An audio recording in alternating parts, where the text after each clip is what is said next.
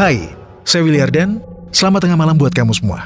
Selamat datang dan selamat mendengarkan podcast lewat tengah malam. Podcast ini menghadirkan cerita dan kisah misteri mengenai pengalaman horor yang dikirimkan oleh teman tengah malam. Tapi, yang lebih luar biasanya pembuatan podcast ini dibantu oleh rekan kami Anchor. Anchor bisa bantuin kamu ngebuat podcast mulai dari rekaman, edit suara, tambahin lagu, backsound, semuanya bisa kamu lakukan sendiri dalam satu aplikasi. Serunya lagi, aplikasi Anchor ini gratis buat kamu. Bisa didownload langsung dari App Store dan Play Store, atau bisa juga diakses dari website www.anchor.fm.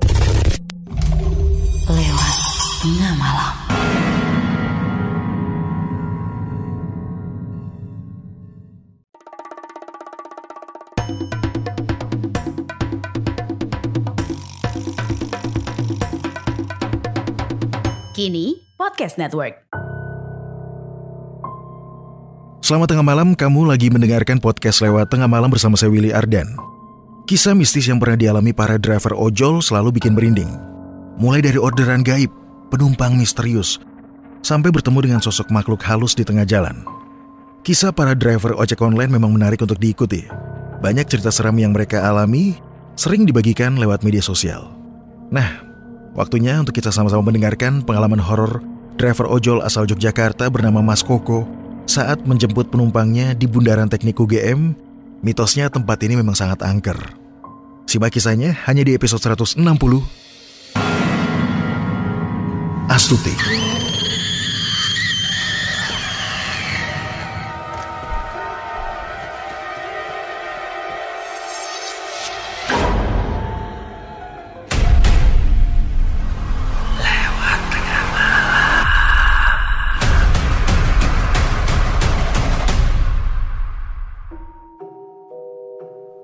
Cerita kali ini dialami oleh seorang driver ojek online. Sebut saja namanya Mas Prastiko, atau akrab disapa Mas Koko. Mas Koko sendiri menjalankan pekerjaan ojek online-nya hanya sebagai pekerjaan sampingan. Kalau pagi hingga siang, dia mengajar sebagai guru SD di salah satu sekolah dasar negeri di daerah Jogja, yang mana tidak bisa disebutkan tempatnya. Mas Koko usianya baru menginjak 30 tahun, dan belum menikah. Tapi meski begitu, Mas Koko masih memiliki kewajiban membiayai sekolah adiknya yang masih SMA di Solo. Gajinya sebagai guru honorer memang tidak cukup. Ditambah orang tua Mas Koko di Solo kehidupannya bergantung padanya. Akhirnya mau gak mau Mas Koko memutuskan untuk menyambi menjadi ojol demi mencukupi kebutuhan hidupnya sendiri selama di Jogja dan alhamdulillah hasilnya sepadan dengan kerja kerasnya. Biasanya Mas Koko baru on aplikasi sekitar jam 6 sore. Hal ini dikarenakan sepulang mengajar siangnya, dia harus mengajar les beberapa anak didiknya. Dan lesnya itu private di rumah masing-masing. Nah baginya, selama ada peluang di depan mata, akan Mas Koko pergunakan sebaik-baiknya karena keluarganya sangat bergantung padanya. Pada suatu hari Mas Koko baru on aplikasi sekitar jam 8 malam. Nah kebetulan saat itu Mas Koko sedang tidak enak badan dan sempat beristirahat sebentar. Sebenarnya hari itu dia tidak ingin on aplikasi karena dia ingin menggunakan waktunya untuk istirahat sehari. Tapi berhubung sang adik lusa ada ujian dan pembayaran SPP yang harus lunas sebelum ujian, Yah, mau gak mau, Mas Koko tetap nekat untuk narik ojol. Akhirnya Mas Koko menjalankan aktivitasnya sebagai driver ojek online di jam 8 malam. Saat itu cukup lama juga, dia belum mendapatkan orderan yang masuk satupun. Tapi Mas Koko tetap optimis dan terus semangat. Sambil menunggu orderan, Mas Koko putuskan untuk nongkrong meminum teh panas di salah satu warkop milik temannya yang lokasinya juga nggak jauh dari tempat kosnya Mas Koko. Setibanya di warkop temannya itu, ternyata sudah ada beberapa ojol lain yang nongkrong di sana. Kemudian nama Mas Koko dipanggil sesama teman ojolnya. Ya sebut saja namanya Mas Danu. Nah Mas Danu ini sempat bertanya kepada Mas Koko perihal wajahnya yang pucat dan lemas. Tapi Mas Koko hanya meresponnya dengan senyuman. Mas Koko langsung pesan teh panas. Banyak sekali teman-temannya menyarankan Mas Koko untuk istirahat aja di rumah. Karena takutnya kalau nanti dipaksa malah ada apa-apa lagi. Tapi Mas Koko bersikeras tetap untuk berangkat ngojek. Tiba-tiba teman Mas Koko, si pemilik warung bernama Mas Tony ini bercerita tentang kisah horor. Mas Tony bercerita kalau beberapa hari lalu ada bapak-bapak tua yang juga ojek online berhenti di warungnya sambil ngos-ngosan. Nah, pas Mas Tony tanya kenapa, bapak ini cuma ngejawab, Saya habis dapat pesanan goib, Mas. Mas Tony yang dengar itu bingung terus bertanya lebih jauh lagi sambil dia membuatkan teh anget untuk menenangkan si bapak. Dan si bapak ini mulai bercerita. Katanya, saya itu tadi habis Isya dapat orderan makanan. Tertulis pesanannya itu nasi sambelan lauk ayam dan belinya di warung yang dekat Tugu. Saya belikan pesanannya dan disuruh kirim ke dekat bundaran UGM. Ya saya nggak mikir aneh-aneh mas.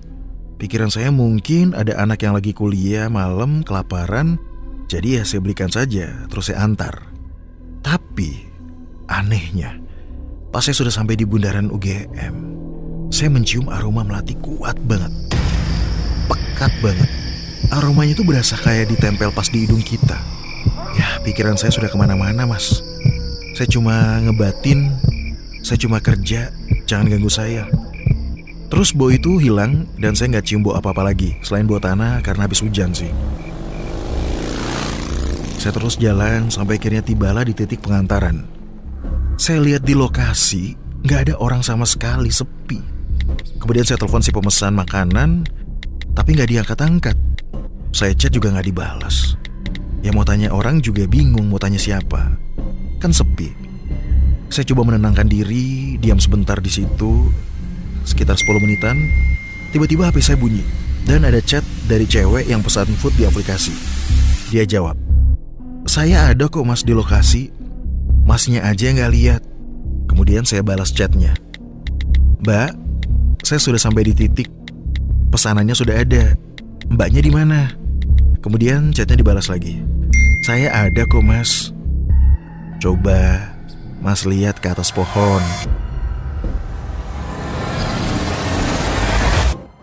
Tuh ada saya.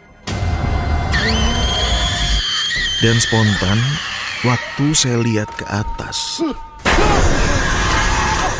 ternyata bener, bener-bener ada seorang cewek yang duduk di atas pohon pakai baju putih dan ketawa cekikikan. Spontan saya langsung jalan motor dan jalan gak karuan saking takutnya.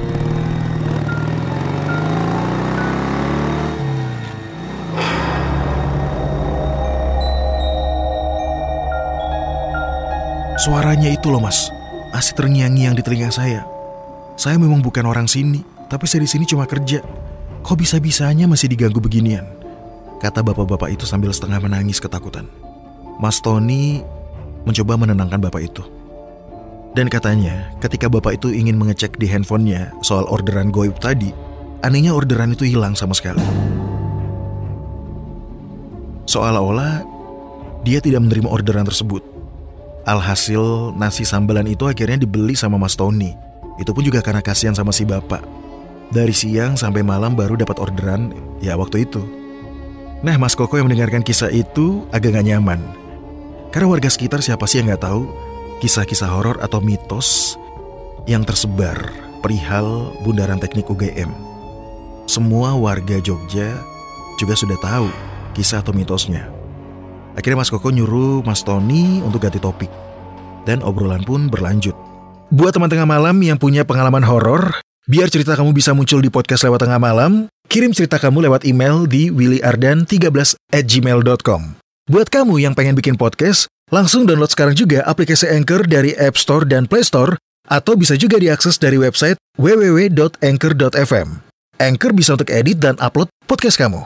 Dan yang paling penting, Anchor gratis buat kamu. Nggak kerasa sudah jam 9 malam. Tapi orderan di aplikasi Mas Koko juga masih sepi-sepi aja. Sedangkan teman-temannya satu persatu mulai meninggalkan warung.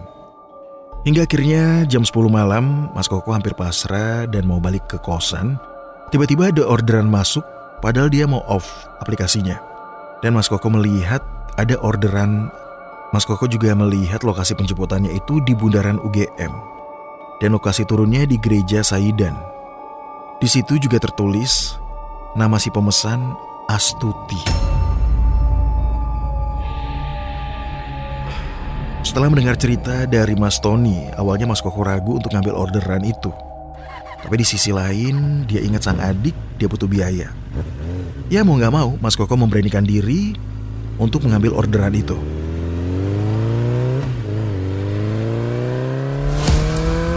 Gak tau gimana, baru aja Mas Koko meninggalkan warung, tubuhnya ini kayak makin berat, kemudian juga merinding sekujur tubuhnya.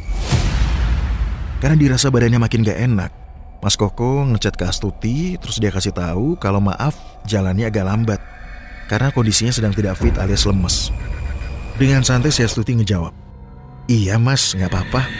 Hati-hati di jalan ya mas. Dia akhirnya terus jalan sambil hati-hati mengarah ke lokasi penjemputan. Nah singkat cerita, sekitar 15 menit kemudian, sampailah Mas Koko di bundaran UGM. Kemudian dengan chat lagi ke Astuti, dan dengan cepat Astuti menjawab, saya ada kok mas. Ada di dekat pohon besar Dekat bundaran mas. Mas Koko mulai melihat ke arah sekitar Dan jelas terlihat ada sosok perempuan. Dan dia pikir Ya itu pelanggannya yang harus dia jemput. Badannya kurus Pakai baju semacam gamis berwarna bata Dengan kerudung putih sambil membawa tas di pundak Perempuan itu jalan menghampiri Mas Koko Nah karena dia memakai masker, Mas Koko nggak bisa lihat jelas wajahnya. Mbak Astuti ya? Dan perempuan itu pun mengangguk. Mas Koko langsung memberikan helmnya ke Astuti. Karena Astuti memakai gamis, otomatis duduknya miring. Dan saat naik, salah satu tangan Astuti ini sempat memegang pundak Mas Koko. Seketika Mas Koko merasakan tangan si Astuti dingin sekali. Padahal jaket ojol Mas Koko ini juga cukup tebal dan hangat. Tapi baru kali ini Mas Koko merasakan tangan yang begitu dingin dan dinginnya bisa menembus ke dalam jaketnya. Mas Koko nggak mau terlalu banyak berpikir aneh. Setelah Astuti naik, Mas Koko melanjutkan perjalanannya ke alamat yang dituju. Selama perjalanan, Mas Koko mencoba mencairkan suasana karena udah larut malam. Otomatis ada beberapa jalan yang memang sudah sepi banget. Mas Koko ini sebenarnya tipe penakut, makanya dia selalu mencoba mencairkan suasana. Mas Koko lalu iseng bertanya, Mbak, kok sampai pulang jam segini kuliahnya? Emang kuliahnya lagi banyak ya mbak? Astuti yang ada di belakang menjawab, saya lagi garap skripsi mas, jadi banyak tugas. Mas Koko hanya mengangguk-angguk sambil melanjutkan perjalanan. Saat Mas Koko bertanya lagi kepada Astuti, anehnya dia malah tidak mendapatkan respon. Mas Koko berpikir mungkin Astuti lagi capek makanya nggak mood buat ngomong. Semakin lama Mas Koko merasa kok jalannya mutar-mutar terus di bundaran UGM. Setiap Mas Koko mengambil jalan yang berbeda, ujung-ujungnya ketemu terus di bundaran UGM. Semakin lama Mas Koko merasa ini ada yang gak beres. Dilihatnya jam sudah menunjukkan pukul satu dini hari. Entah sudah berapa kali banyak Mas Koko memutari bundaran UGM dengan si Astuti. Mas Koko yang kesal akhirnya mematikan motornya pas di tepi bundaran dan iseng melihat ke arah spion. Ternyata, sosok Astuti yang diboncengnya sudah nggak ada di jok belakang. Mas Koko shock saat itu juga. Dia langsung oleh mencoba untuk meyakinkan melihat ke belakang dan memang gak ada. Sosok Astuti hilang begitu aja. Mas Koko mencoba mencari-cari di sekitar, takutnya Astuti terjatuh dari motor.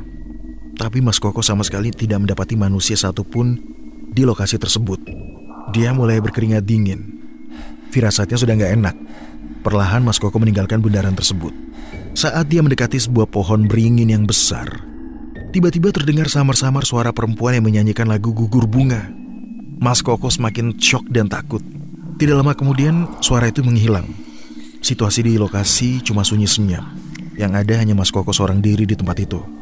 Mas Koko mencoba untuk beristighfar berkali-kali dan berniat cepat-cepat berlalu dari situ. Namun begitu dia mencoba untuk menyalakan motornya, ternyata motornya tiba-tiba mogok. Makin gak karuan lah pikiran Mas Koko saat itu juga. Apalagi kondisi tubuhnya yang saat itu terasa berat sekali dan berkeringat dingin. Sampai-sampai Mas Koko melepaskan jaketnya dari tubuhnya dan dia mengaku saat itu gerah. Dia mencoba untuk menghubungi teman-temannya sesama ojol. Tapi parahnya, sinyal HP-nya hilang seketika.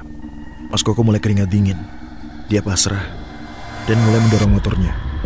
Saat dia mendorong motornya yang mogok, secara mengejutkan tiba-tiba di jok belakang ada sosok perempuan Sosok itu memakai dress putih panjang yang lusuh, duduk miring, rambut acak-acakan. Wajahnya pucat, pucat banget.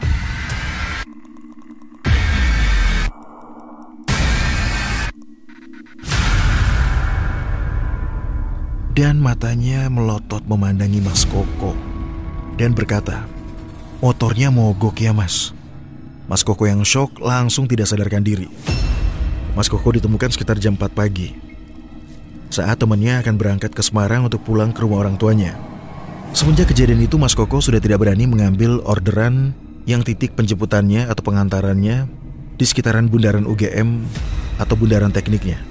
Memang, bundaran teknik UGM sampai sekarang masih menyimpan mitos dilarang menyanyikan lagu gugur bunga karena akan ada hal-hal mistis yang bisa terjadi kalau melanggarnya. Bundaran teknik UGM di bundaran ini selain menyimpan mitos mengerikan, juga terkenal angker. Banyak orang yang mengalami kejadian-kejadian ganjil di tempat ini.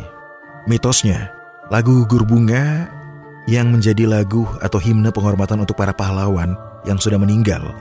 Konon, jika kamu menyanyikan lagu gugur bunga di tempat ini saat malam hari, kamu akan didatangi hantu penunggu bundaran teknik.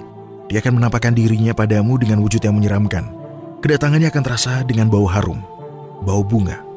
Jika aromanya dekat, berarti hantu itu masih agak jauh dari kamu. Tapi kalau aromanya perlahan menghilang, tandanya justru dia sudah ada di belakang kamu. Atau ada di boncengan motor kamu tanpa kamu sadari.